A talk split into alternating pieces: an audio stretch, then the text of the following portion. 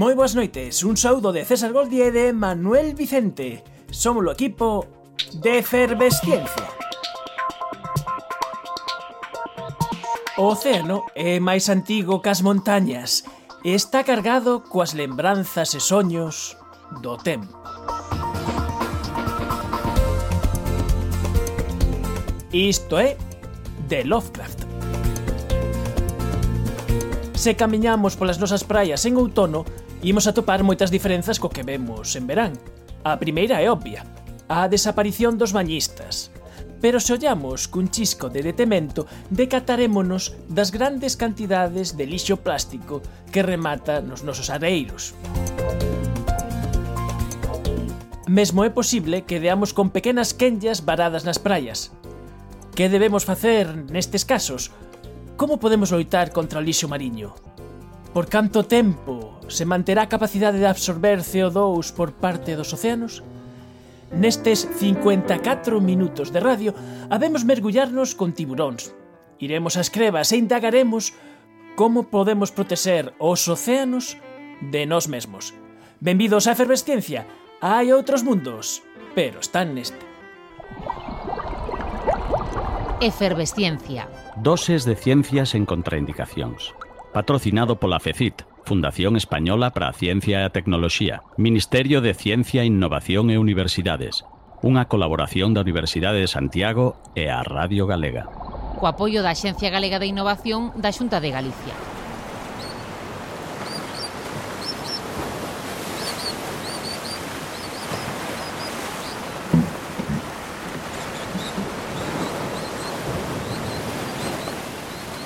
Eh, boas noites, son Carlos Vales, o director do Centro de Extensión Universitaria e Divulgación Ambiental de Galicia, que é o Centro de Educación Ambiental de Referencia en Galicia e que ten a súa sede no Castelo de Santa Cruz, un edificio maravilloso propiedade do Concello de Oleiros, porque o CEIDA é un proxecto eh, coparticipado tanto polo Concello de Oleiros como pola Xunta de Galicia e a Universidade da Coruña. Estamos achegándonos ao castelo a través de unha pasarela peonil e que nos permite acceder ás instalacións onde está o único centro de documentación ambiental de Galicia, onde están as nosas aulas e o salón de actos onde facemos as nosas actividades de formación, a área de exposicións que neste momento ten precisamente unha exposición feita por artistas que traballan con crevas, con refugallos traídos do, do mar da enorme contaminación que provocamos nos océanos e despois facemos actividades de educación ambiental con todos todo tipo de colectivos e en particular cos centros educativos de toda Galicia. Aparte das actividades que o CEIDA organiza por si sí mesmo, nos pretendemos funcionar como un punto de encontro para axudar a todas as entidades que desde a sociedade civil galega traballan a prol do medio ambiente e en particular neste caso as entidades que están traballando na limpeza das praias e en sensibilizar sobre a importancia da contaminación tanto do litoral como dos océanos. É unha actividade eh, que xa vamos pola cuarta edición. Eh, é unha actividade que consideramos extraordinariamente relevante porque eh, si ben hai anos a percepción da gravedade dos problemas dos plásticos nos océanos e da contaminación en xeral era moi pouco percibida, o que se pode comprobar neste momento é que hai unha apreciación cada vez máis máis consistente, máis amplia na sociedade de que aí temos un problema moi grave o cal hai que plantearlle cara sí ou sí, porque lle estamos deixando ás xeneracións futuras unhos océanos irreconocibles pola súa degradación. Xa pasamos a pasarela, pasamos por debaixo dun arco e xa estamos na vosa casa. Pois sí, aquí é onde estamos celebrando a parte das sesións técnicas destas xornadas que incluen tamén limpezas de praias tanto na Coruña como aquí no, no litoral de Oleiros en, en un par de praias e que demostra que isto que estamos comentando é efectivamente un problema moi grave e tamén demostra a creatividade da sociedade civil e de artistas que son capaces de utilizar a súa sensibilidade artística para concienciar. Ola, boas noites. Son, eu son Isabel García de Retoque Retro. Somos tres, Javi Serantes e Analí e facemos arte coas crevas. As crevas ven sendo todo aquilo que tradicionalmente se recolle en Galicia para seu aproveitamento, dende naufraxos ata madeira para facer lume, e tal, e, e nos empezamos cun proxecto de reciclaxe de madeiras, porque nos gusta a madeira, de, de rescatando os contenedores mobles e outros enseres das casas para restauralas e tamén para darlles unha volta de reciclaxe, modernizalas e tal. Entón, bueno, eso gustou moito, chamou a atención bastante, pero era moi difícil de vender, sobre todo con co boom de consumo rápido de IKEA e todo isto. Entón pasámonos eh, a outro tipo de madeiras, leños, eh, descubrimos as madeiras da praia, porque teñen moito encanto, veñen esculpidas polo mar, coa veta moi malcada ou ás veces con, con buratos de bivalvos, eh, parece que contan historias, algúns traen xa unha forma que, que parece propia, que xa non lo dá feito, entón nós o que facemos é descubrilo ou, ou mediante a, a escultura ou a pintura ou mezcla das dúas.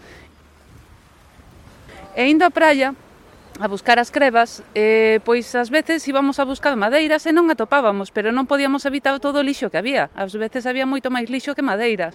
E sendo artistas plásticos, como non me indica, pois non podíamos ignorar todo ese plástico. Empezamos a recollelo para, para poñerlle detalles, que si un ollo, que si unha ala, que si unha aleta e tal, para denuncialo e, e xa se converteu en, en rutina e o ir a buscar plásticos ás praias Eh, e ali coñecimos, a, facendo unha limpeza de praias, coñecimos a Xosé Manuel Barros, de Mar de Fábula, que tamén é artista. El fai obras exclusivamente de plástico. Son Xosé Manuel Barros, son o presidente da Asociación Mar de Fábula, eh, estamos aquí, Telo de Santa Cruz, Oleiros, na celebración deste cuarto encontro internacional do lixo mariño, Eh, é importante salientar que estamos xa na, na cuarta edición eh, desta xuntanza que facemos eh, todos os, as persoas, os homes, os creveiros que adicámonos a apañar o lixo na Ribeira no, no Lixo no Mar, eh, temos aquí representacións de, a parte de Galicia, pois colegas e amigos que veñen de Portugal, de Francia, e tamén do interior, veñen de, de Madrid e de Burgos. Non? Entón, eh, pois entendímonos estupendamente, levámonos moi ben, e, e xa eh, agora facemos as exposicións conxuntas, e nos imos con elas limpezas que organizan, e tal. E aparte desto, eh, pois o ano pasado fixemos un mostreo, os tres de retoque Retro, de paseos de media hora, recollendo lixo en seis praias da, da comarca, de, da, de, da Reserva da, da Biosfera das Mariñas Coruñesas e, e, e Terras do Mandeo, eh, dende Santa Cristina a Tamiño. Pois eh, foi durante un ano, pero foron 50, 54 horas en total mediante paseiños de media hora. Eh, íbamos recollendo aquilo que xa víamos que se repetía moito para facer coleccións e, con, e cuantificalo. Entón así chegamos a recoller 9.889 bastonciños de algodón a media no inverno de, de unha recollida de media hora viña sendo de cento e pico, 200 bastonciños nalgúnas praias, ás veces 300. Paus de batea, eh, non recordo agora mesmo o número, 1500 me parece, que, por certo, despois os utilizamos, pedíronos unha escultura para denunciar o botellón ao lado do río Mandeo, e, e fixemos unha exposición aproveitando ese material que recollimos nas súas terras do Mandeo de, de Paus de Batea. Con mil paus de batea fixemos unha representación dos caneiros navegando polo río e tirando lixo. Collimos 5.000 tapóns de botella, xoguetes, eh, precintos de crema solar, bueno, un montón de cousas que hai aquí expostas no Ceida. Hola, soy la presidenta de la Asociación Ciencia, Margarita Cima de Vila, y estoy hablando para el programa desde el CEIDA, en el que participo junto con Volgan Trenak, otro artista como yo, en las jornadas de divulgación contra o lixo mariño no CEIDA. General Bradley. Schütze Kowalski. Mucho. Mijail, vamos a cremas. Eh.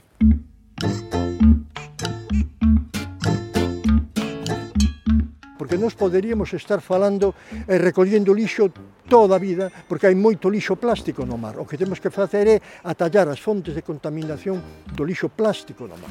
La problemática del plástico marino la vimos hace unos años en las, playas de Sada, cuando empezamos a ver la cantidad de diversos plásticos que había. Lo recogimos, Volgan Tren aquí yo, y decidimos hacer una exposición artística para denunciar el problema del plástico en el mar, que es la exposición Mare Plástico que presentamos en el Teide.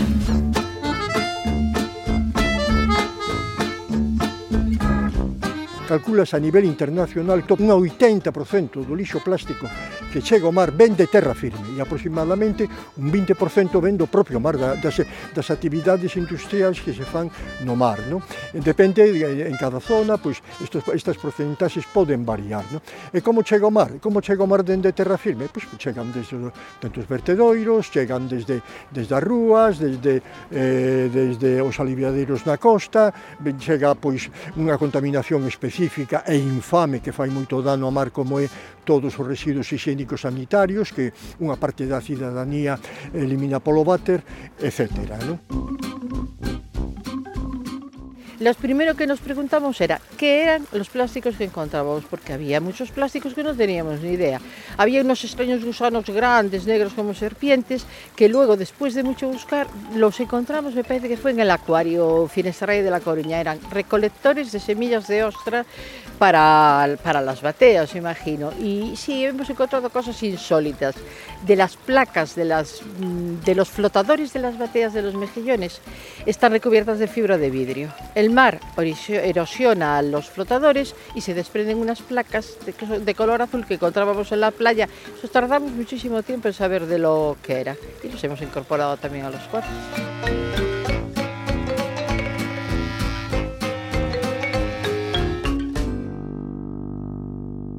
Nós temos unha realidade eh, que está aí, patente, que non se ve, pero que existe que é un tráfico internacional de mercadurías mm, en frente das nosas costas. Mais de 40.000 barcos o ano pasan polo dispositivo de separación do corredor de Fisterra. E este tráfico pasa tamén por diante das costas de Portugal e por diante das costas de Fra da, da Bretaña francesa. Daí ven o interés deste encontro porque hai representantes destos territorios tamén. Eh, hai grandes eh, bajas de mar, que provocan que ás veces fallen os sistemas de trincaxe e hai unha parte de, de, de, de, dos containers que, que hai en o mar que reventan a, ao golpearse no mar e a mercadoría que transporta pois vértese, contaminan o mar e chega a terra firme. Non, e non hai estadísticas claras, non hai, porque as propias compañías de seguro evitan dar datos, pero é unha realidade que nós, os que estamos limpando o mar, constatamos con, con, con unha frecuencia que non nos gustaría que fora tanta.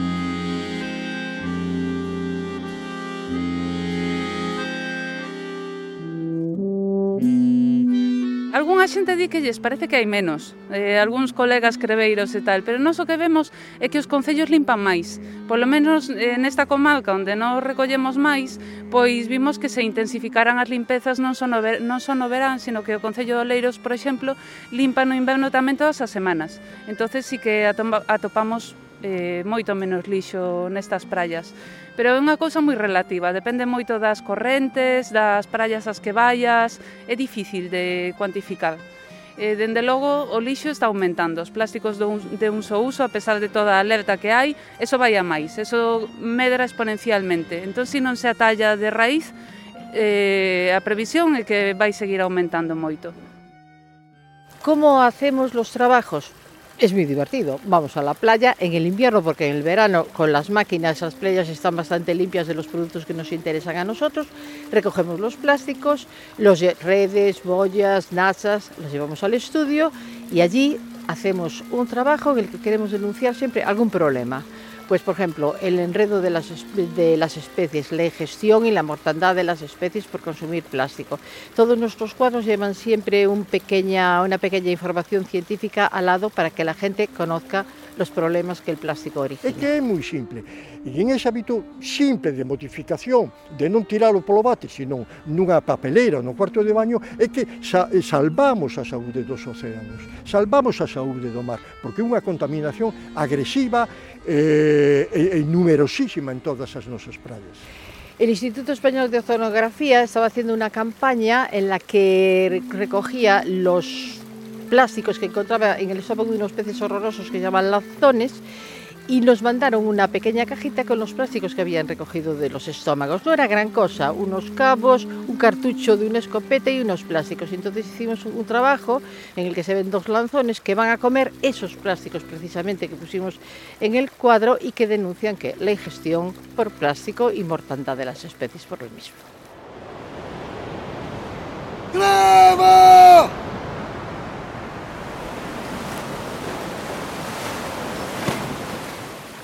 Estes foron os sons, as voces, as reflexións, os datos e as ideas compartidas que recollemos no cuarto encontro Creveiros do Mundo, Beachcombers Around the World, encontro internacional do Lixo Mariño celebrado a principios de mes no Centro de Educación Ambiental do Ceida, en Oleiros. Moitas grazas, Creveiros, por axudarnos a salvar os mares.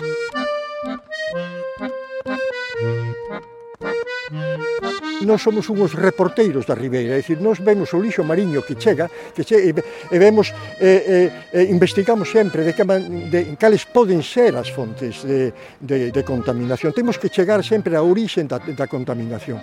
Eh, entón, informamos, informamos, e o caso, por exemplo, desta contaminación en xebre de, de Galicia, típica de Galicia, que son os paus plásticos das bateas de mesillón. Galicia é unha potencia mundial no cultivo do mesillón, bueno, pois nos automáticamente temos que poñer en contacto co Consello Regulador do Mesillón de Galicia e co fabricante para ver maneira de atallar, de, de trincar millor estes paus, de ver solucións para que estes paus non se solten das bateas, non se solten das cordas das bateas.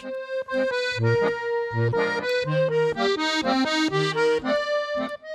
La exposición se puede ver conjuntamente con la de Retoque Retro y con la de Mar de Fábula, que somos tres los que exponemos en el CEIDA este mes completo, el mes de octubre, y a continuación irá para Sotavento, noviembre, diciembre y probablemente también parte de enero. Os animo a que vayáis a los dos sitios, merece la pena.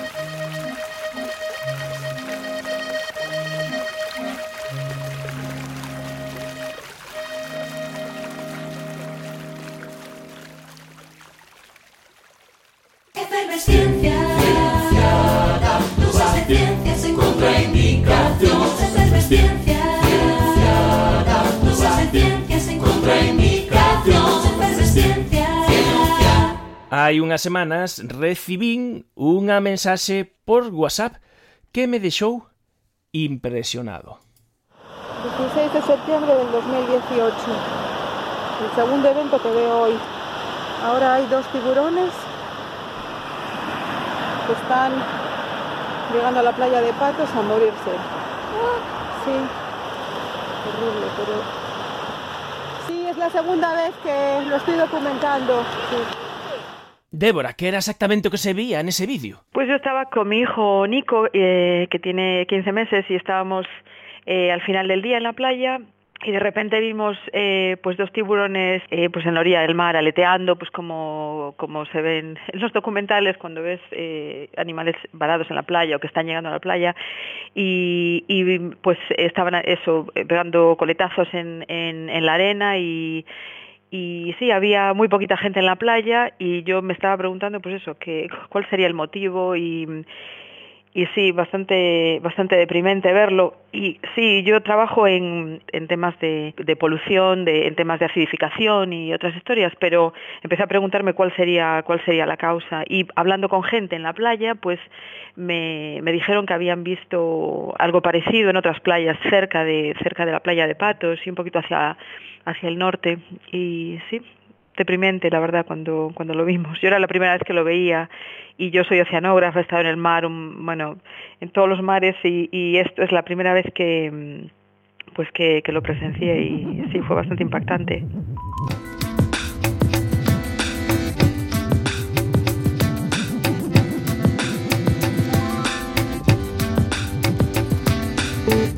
Débora Iglesias, eh, como está a dicir, é oceanógrafa eh, é catedrática de oceanografía na Universidade de California Santa Bárbara. Con ela falamos en efervesciencia xa hai máis dunha década e, e cando nos mandaches e, ese vídeo, pois quedamos eh, eu tamén quedei impactado e, e decidín buscar alguén que o mellor nos podía dar pistas do que se sabe polo menos ata agora, do que poden ser estes varamentos, e se son comuns ou non. Gonzalo Mucientes, moi boas noites. Hola, boas noites. Gonzalo Mucientes é investigador do Instituto de Investigacións Mariñas do CSIC. E el, a súa área de estudio precisamente son os tiburóns. E, que especies son esas que se atopou eh, Débora? Pues fundamentalmente estos últimos veranos estamos encontrándonos con tintoreras o tiburones azules en nuestras playas. Desde más o menos el año 2013 tenemos registros de que están llegando estas, estos tiburones a las playas en Galicia. Que son o que chamamos en galego Kenya, Kenya é xenérico para tiburóns e, e tamén para esta especie. Sí, exactamente. Kenya es para referís a todos los tiburones en general y estaba en Kenia para el tiburón azul o tintorera que se llama en castellano. Uh -huh. Eh, e, eh, e, eh, e, sábese por que mm, se está detectando este aumento de, de varamentos nas, nas praias galegas destas Kenyas? Pois pues la verdad es que no tenemos mucha información aún de por qué desde el 2013 está sucediendo este fenómeno. La verdad es que empezamos, nos llamó mucho la atención y es muy curioso que eh, que desde 2013 están apareciendo tantos avistamientos por todo el litoral gallego. Es más, o sea, principalmente están apareciendo donde hay eh, gente en las playas, porque bueno, pues hay un sesgo de observadores y parece que eh, son más abundantes en, el, en, las rías baisas. Pero están apareciendo por todo el litoral, fundamentalmente en los meses de julio, agosto y septiembre, quizás más en agosto y septiembre estos últimos años, y es impresionante el, número de individuos que hay no solo en las playas, sino dentro de las rías. Por los, eh, la información que nos está llegando gracias a la CEMA y a Tiburones en Galicia, una página web que también recopila mucha información, estamos viendo que esto desde el 2013 se está repitiendo todos los años y no sabemos exactamente por qué. Tenemos algunas pistas. Es un tiburón eminentemente oceánico, y se reproduce, sabemos que se reproduce cerca de nuestras costas, en, la plataforma o un poco más allá. Las hembras eh, maduras paren sus crías ya vivas, perfectamente funcionales, y esas crías, esos neonatos, que son los que estamos viendo en la playa, pueden estar siendo arrastrados por densidad demográfica hacia nuestras costas y se desorientan y acaban varando en las playas. Uh -huh. eh, Débora, ti cando viches eso, claro, ti como é oceanógrafa, ti a túa cabeza empezou a dar voltas tamén de, de posibles eh, causas que poden ter eh, producido isto. Eh, claro, eh, ti vas a pensar cousas que están relacionadas coa túa especialidade, ¿no? Claro, en este caso sí, o sea, empecé a, pensar en un montón de, de posibilidades, pero la verdad es que sí, o sea, no, tengo ni idea. Y, lo que sí, eh, lo que sí hice fue llamar a, a un par de organizaciones que, yo pensaba que tomaban muestras de, agua y lo que, lo que no sé es lo que se estará haciendo. Quizá Gonzalo tiene más idea de, lo que, de qué tipo de muestreo se hizo después de estas observaciones de los tiburones es, llegando a, a, las playas, porque realmente puede ser desde, o sea, una posibilidad es que sean algún cambio en la, en la química del agua de origen natural, o pero también provocado por, por actividades humanas, no, no lo sé. Pero sí, yo trabajo en temas de polución y la verdad es que al haber eh, habido observaciones a lo largo de la costa, es, es difícil, sí, es difícil saber cuál es la causa. Eh, la verdad es que de momento no estamos haciendo nada con ellos, porque, bueno, de momento aún estamos recogiendo datos y esto es un poco como ciencia ciudadana, los datos no nos llegan, no podemos cubrir toda la costa, como es lógico, y nos van llegando y vamos eh, pues eh, perfilando algunas ideas pues quizás para, de un futuro cercano, pues pedir un proyecto que podamos ya abordar esto de forma más, más general. Eh, la, la, verdad es que eh, lo que dices puede estar sucediendo que algunos pequeños cambios oceanográficos en nuestra plataforma estén obligando o están cambiando eh, las, las, zonas de nursery o de zonas de agregación de madres con ya neonatos juveniles, que antes eran más oceánicas, ahora sean más costeras. Eh, eso puede ser una de las explicaciones. Otra explicación puede ser también que estén buscando algún tipo de alimento que eh, acaben pues alentándose dentro de las, de las rías. De todas maneras, los datos que tenemos, la gran mayoría varan vivas o no llegan a varar. Y eh, si se retornan al agua suelen sobrevivir, o sea, no, se, no tienen, a menos que estén muy dañadas o sea un descarte de un pescador, que a veces las pescan, las liberan y ya quedan tocadas y varan, vemos que pueden sobrevivir. La gran mayoría de los datos que tenemos son de individuos que se ven en la playa a medio metro de profundidad, que no llegan a varar, pero si, si varan y los bañistas les ayudan a introducirse en el agua, suelen sobrevivir. Entonces vemos un cierto eh, desorientación del individuo, que es eh, un individuo de pocas semanas o pocos meses de nacimiento. Eh, en algunos casos incluso se les ve el cordón umbilical o, la, la, marca de cordón. Eh, las crías ya eh, una vez que eh, nacen son perfectamente operativas y buscan alimento. Entonces, cuando encuentran una barrera física, como son organismos eminentemente oceánicos, no saben qué hacer o lo intentan evitar, pero a veces eh, varan. De hecho, tenemos muchos vídeos de algunas cinturas que quedan en el, intermareal, en las lagunas de las intermareal, y quedan ahí dando vueltas hasta que sube la marea y se van. O otros vídeos en, muros, por ejemplo, que entran dentro de las dársenas pesqueras o los puertos pesqueros y empiezan a nadar paralelamente a, la dársena y, no son capaces de salir y están haciendo constantemente el mismo movimiento, porque en, su hábitat tradicional o, o, en el que están acostumbrados a moverse no hay barreras físicas. Una de las posibilidades es que se estén dando fenómenos de un alto reclutamiento, es un, es un tiburón que para ser tiburón tiene una tasa de reproducción bastante elevada, y que debido a, diferencia, a cambios oceanográficos se estén acercando más a la, a la costa las hembras grávidas, preñadas, y por eso estamos teniendo estos eventos impresionantes en verano de tener, pues eso, en los últimos dos años, en 2018 y 2019, tenemos más de 260 avistamientos de tiburones en la costa. En la costa, pues dentro de las rías, son las playas. Que facer cando nos atopemos un caso como estes? Eh, eh, Ti falabas, Gonzalo, de, da necesidade de ciencia cidadá que vos dé datos, eh, eu creo que, que Débora fixo aí moi ben, porque, claro, grabou un vídeo dando datos de, de data, localización... Eh, que deberíamos facer eh, cando atopamos unha quenlla eh, varada na praia? Sí, sí. Pois pues como hizo Débora, es moi interesante para nosotros tener fotografías o vídeos, y después tener pues el, el, la fecha, la hora, el número de individuos que se observan, el tamaño aproximado, Si llegas a determinar el sexo, que ya es un poco más difícil, pues también nos interesa. El sexo se puede ver en las aletas eh, ventrales, que tiene, los machos tienen como dos salientes apéndices, como si fueran a modo de penes, pero no son, y las hembras no lo tienen, pero cuando son individuos muy pequeñitos, pues son, no se les casi ve. Tipo de información es muy interesante para nosotros y lo mejor es no interactuar con el tiburón. Si el tiburón está nadando en la costa o en la orilla, pues observarlo, es muy bonito, se mueve de forma muy grácil, no es nada agresivo eh, y dejarlo tranquilo. Si llega a varar en la playa, lo mejor es retornarlo cuanto antes al, al agua y para ello es pues, mejor ayudarse de una toalla o algo que nos proteja, cogerlo a lo largo del cuerpo y dejarlo en el agua. Si lo cogemos por el rabo o por la cola, el tiburón puede revolverse y puede rozarnos con los dientes, que tiene unos dientes muy pequeñitos, pero son muy afilados, y tiene unos dientes muy pequeñitos que ya son funcionales, pero aunque no muerdan, pueden rozarnos. Entonces, pues eso, con una toalla, depositarlas otra vez en el agua. Pois pues temos unha pregunta de que está aquí moi atenta, moi atenta a boa, a boa de Einstein que quería facer unhas preguntas para os bolos dous. Sí, hola. Eh, mira, Gonzalo, Eh, como se moven os tiburróns no, no océano? Te, teñen GPS ou, ou yo poñedes vos para estudalos? Porque teñen fama de, de incluso de navegar dormidos por autoestradas mariñas que eles teñen eh, por instinto. Como é? Muy buena pregunta. La verdad que por, pues por desgracia no tienen GPS incorporados y tenemos que ponérselo nosotros.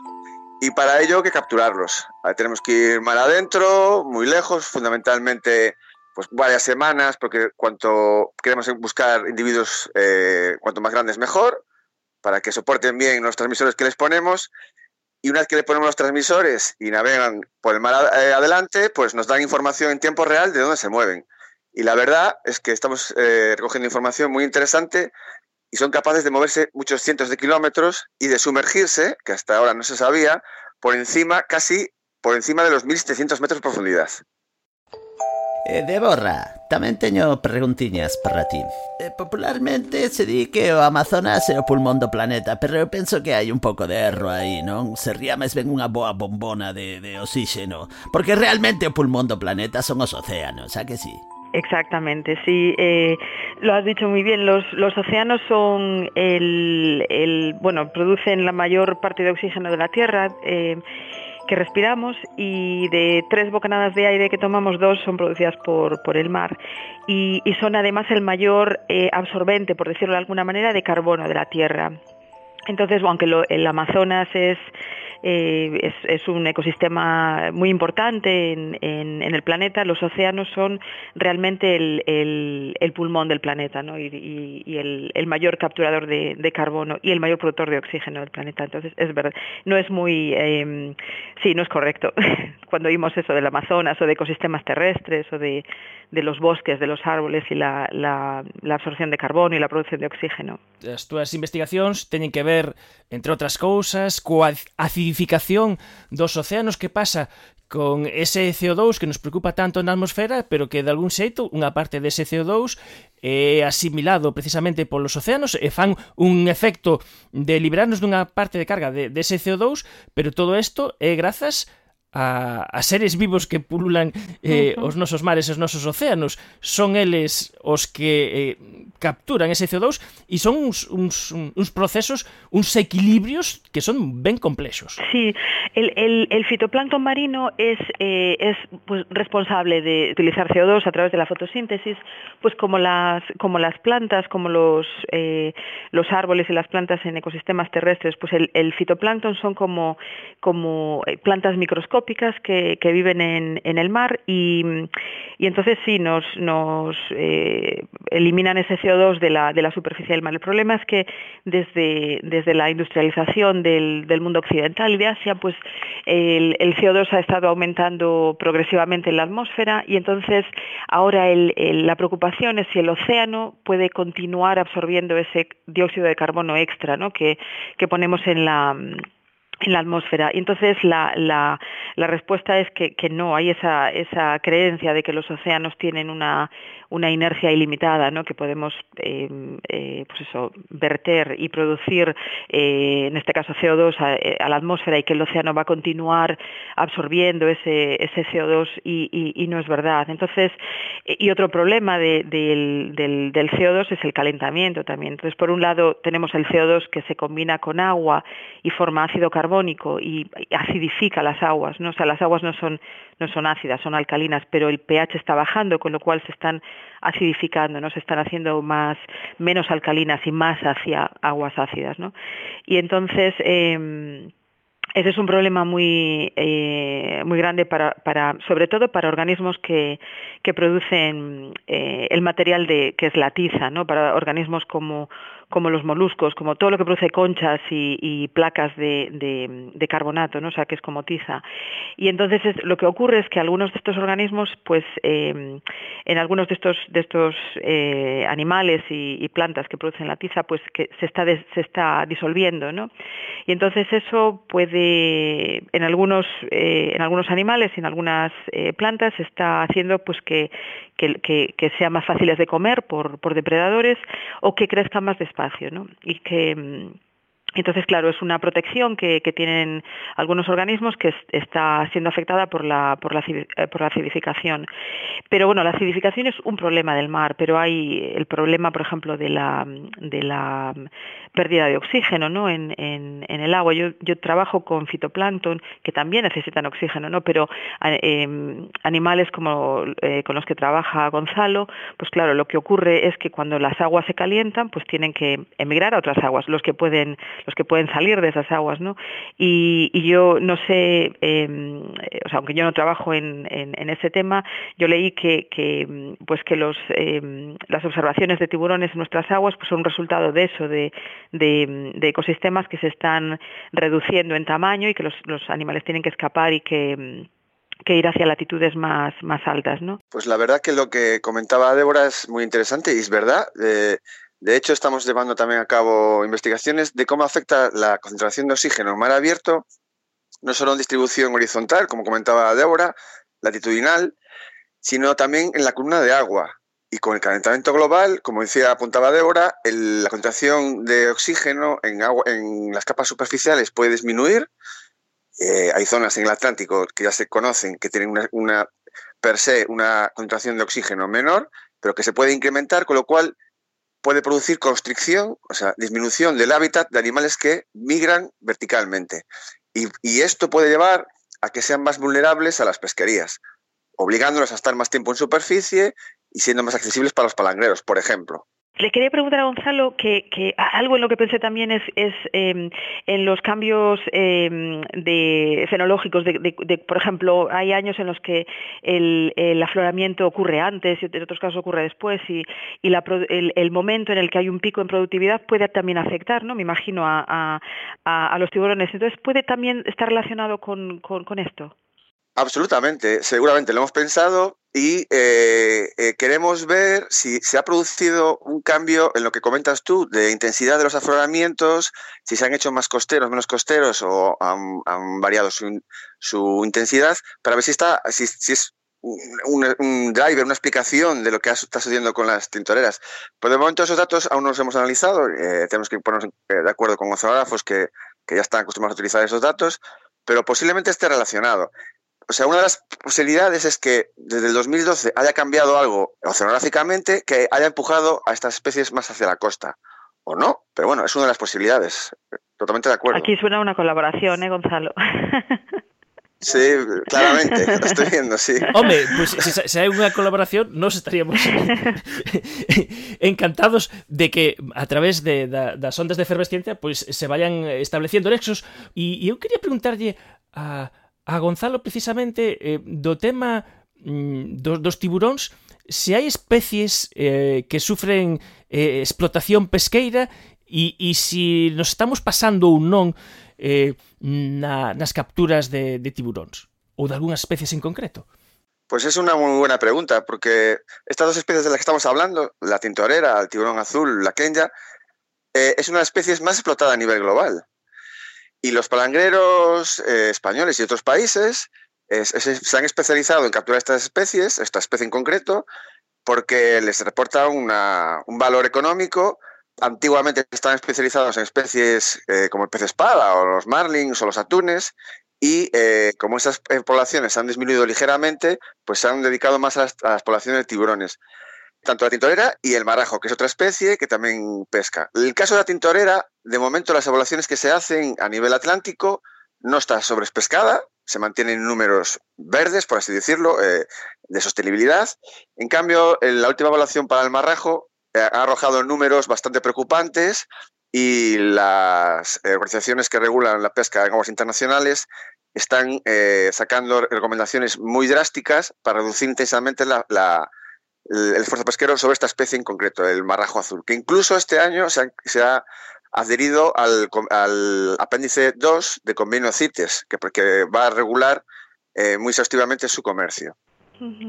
Yo recuerdo a, así a nivel anecdótico visitar, eh, visitar el mercado de Tsukiji en Tokio, en, Japón, y ver salas gigantescas llenas de, llenas de, de tiburones azules. Y también en, en la lonja de, de, aquí de Vigo, una vez trabajando con el, el National Geographic, ellos accedieron a la lonja y fuimos a visitarla y y fue increíble ver estas salas llenas de pero repletas de, de, tiburón y creo que hay algo en el en el como dato anecdótico en el en el en el metabolismo del tiburón que las salas está, o sea, olían muchísimo a urea me imagino que sería no Sí, sí, sí, tienen sí, nitrógeno, sí. mucho nitrógeno y mucho nitrógeno, desprenden sí, un olor cuando están muertos ya. Eh, eh, de hecho, la tintorera también desprende una especie de tinta, por eso se llaman tintorera.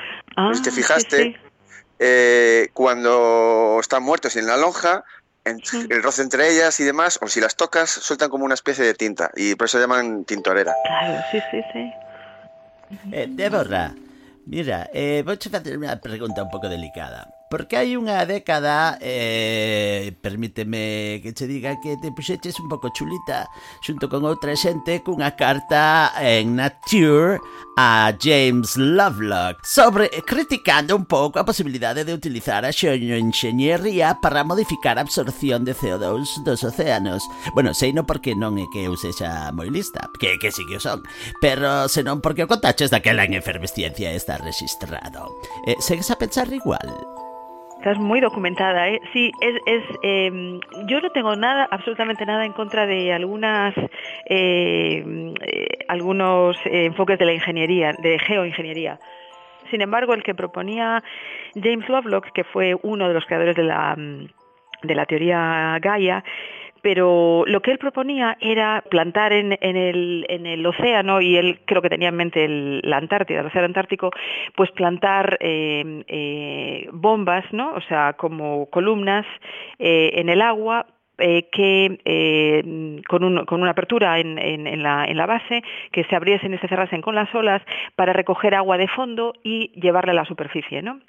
Entonces la idea era eh, fertilizar la superficie del océano con esas aguas muy ricas en, en nutrientes, ¿no? en, en, comida para el fitoplancton y, y frías, como tenemos aquí en, las costas gallegas, que todos los años en primavera o así, pues vienen estas aguas de fondo riquísimas en, nutrientes y por eso tenemos un marisco tan, tan estupendo y tal. Os afloramentos dos que falabades antes, así también para poner en contexto. Exactamente, exactamente. exactamente. Entonces, eh, el, el, problema es que estas aguas profundas eh, no solamente tienen muchos nutrientes, sino que también tienen mucho CO2, porque cuando las aguas, o sea, cuanto más frías sean las aguas, la solubilidad de gases en las aguas es mayor, incluido el CO2, claro. Entonces, el, al subir aguas de, de, fondo a la superficie, eh, un problema es que se, se, va a liberar parte del CO2, ¿no? que es lo que además pasa en, en, en, con el afloramiento. Y entonces, lo que nosotros criticábamos en, eh, de este enfoque es, es precisamente eso, que,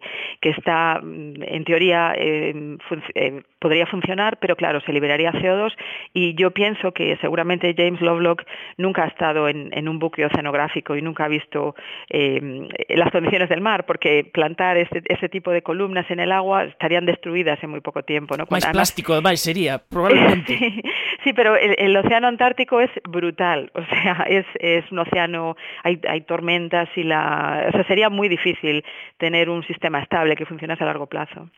E hai outras outras eh, propostas de enseñería que poidan ter un poquinho máis de sentido. Sí, eh, de hecho, yo ahora estoy teniendo, eh, estoy, pues estamos en, con discusiones para ver si se puede eh, introducir, eh, para básicamente a ver si se puede cambiar el pH del océano.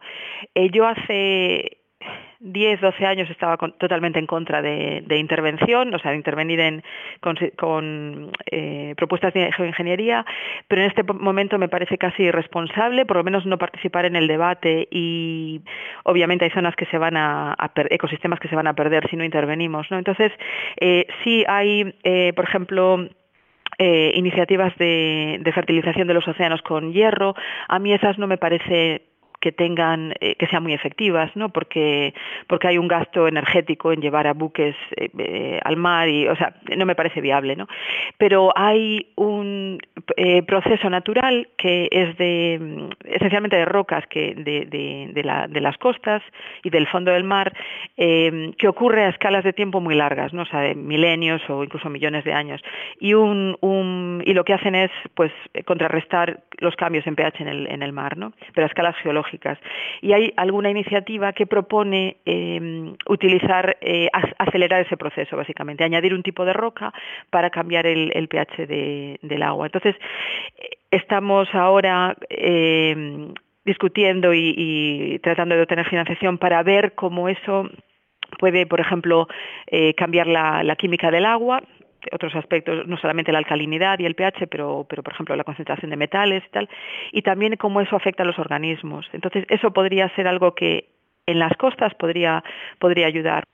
Entonces sí, hay, hay iniciativas interesantes. Yo cuando fui a, fui a una reunión de geoingeniería en hace eh, quizá una década o así en, en, en Asilomar, cerca de, de Monterrey, en California, y, y había propuestas eh, increíbles, estas locuras de, de, gente del mundo de business, ¿no? que decían, pues yo con mi, desde mis eh, 747 voy a eh, tirar hierro, verter, o sea, mm, eh, tirar hierro en los océanos y con, por satélite detectar el bloom y monitorizarlo y seguirlo. Y ver...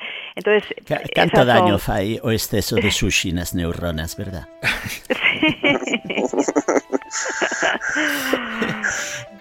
Eh, eh, mira, mirade, porque, claro, vos sodes como moi amiguiños dos tiburróns e todo eso, que, que está moi ben, e seguro que hai que ser, pero sobre todo desde que aparecen en Galicia, eh, pois non sei, dinche a xente, dinche, apareceron tiburróns, e xa che dan ganas de non ir á praia.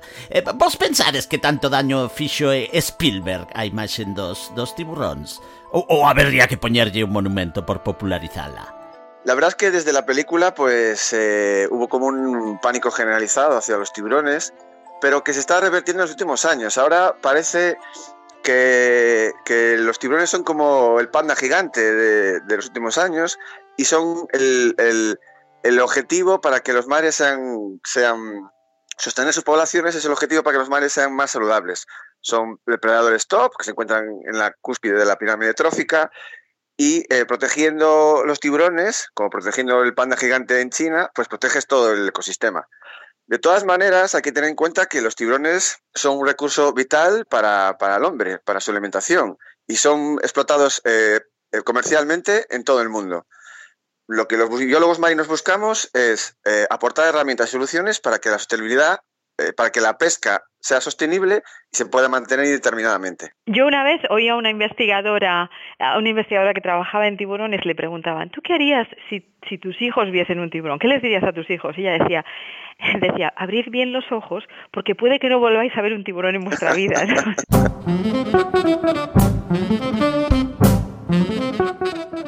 Pois quedámonos con isto. E agora xa sabemos o que temos que facer no caso de atopar unha quenlla varada na praia. Primeiro, chamar o 112 para que avisen os do CEMMA e facer un documentar co noso móvil toda a información que poidamos e seguir os consellos que nos deu Gonzalo Mucientes do Instituto de Investigacións Mariñas do CSIC en Vigo, con quen estivimos a falar na compaña tamén de Débora Iglesias, catedrática de Oceanografía na Universidade de California Santa Bárbara. Foi unha conversa absolutamente fantástica. Moitas grazas. Moi boas noites, gracias a vos. Gracias, Manuel, gracias. Boas noites, despídome con un pouco de música.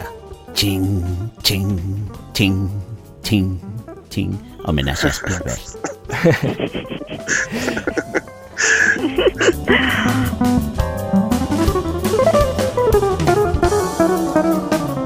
A ciencia na Radio Galega.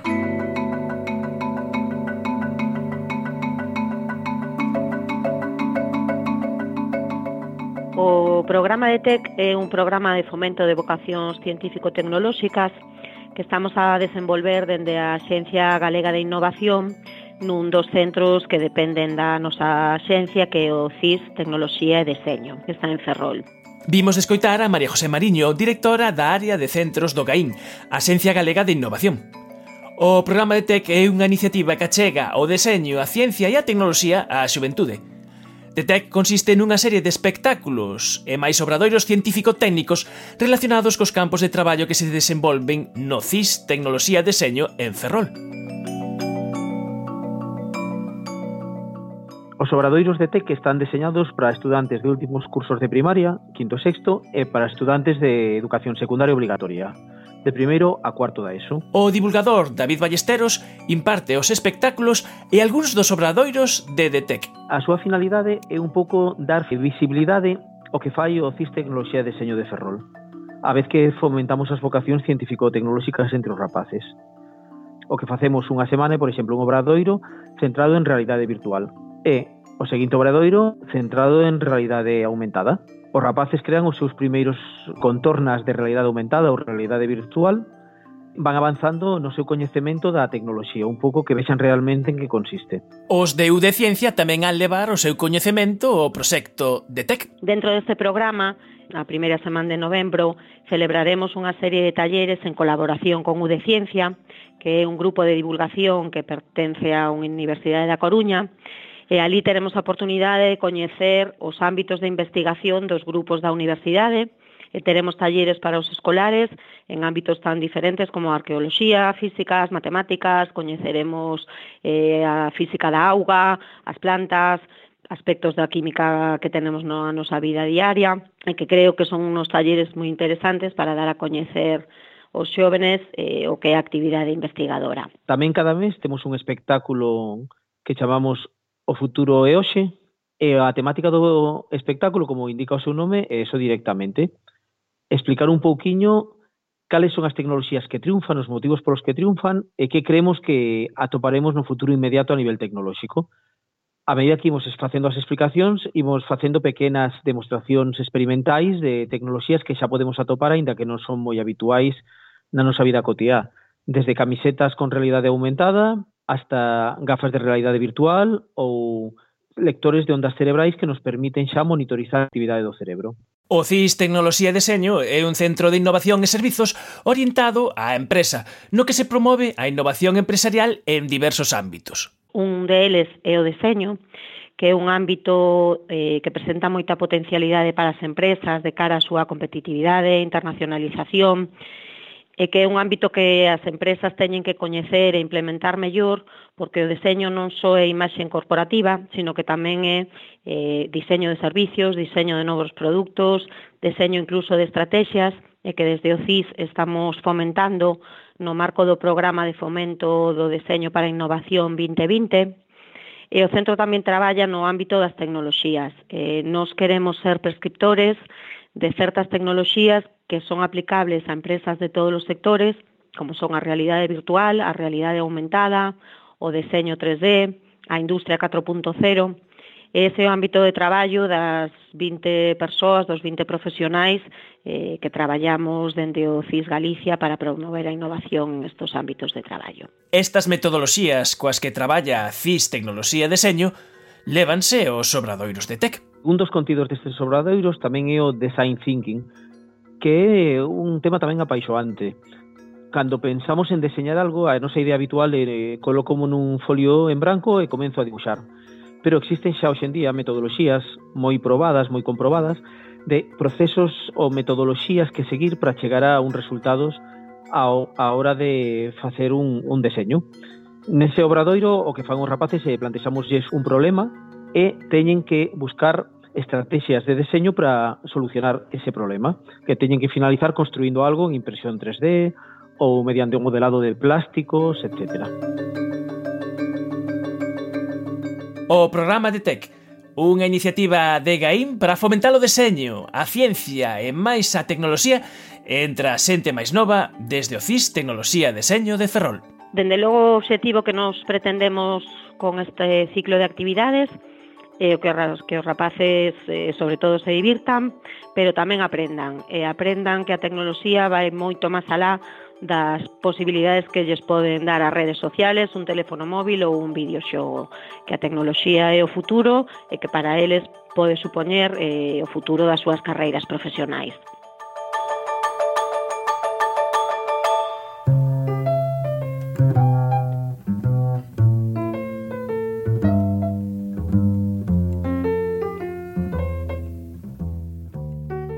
Ola, boas noites, son Leonor Parcero, presidenta de Divulgación e quero convidarvos a Ciencia Peregrina, un conxunto de charlas divulgativas en localidades do Camiño de Santiago. Ciencia Peregrina está organizada por Divulgación en colaboración coa Xunta de Galicia. Forma parte das actividades de O Xacobeo, O ciclo comezará mañá xoves ás seis e media no Centro Cívico Torrente Ballester de Ferrol cunha charla titulada O Camiño de Santiago no País dos Mil Ríos. Tamén estaremos en Lalín, con as árbores do camiño a partir das 5 da tarde, cunha charla que despois terá un obradoiro para todos os públicos. Eh, visitaremos tamén Pontevedra, unha das localidades polas que transcurre o camiño portugués Conciencia no Camiño, E tamén estaremos en Porto Marín, e neste caso o venres a partir das sete e media para falar de astronomía da man de Dosi Veiga. Todas as charlas son gratuitas e non é necesario inscribirse.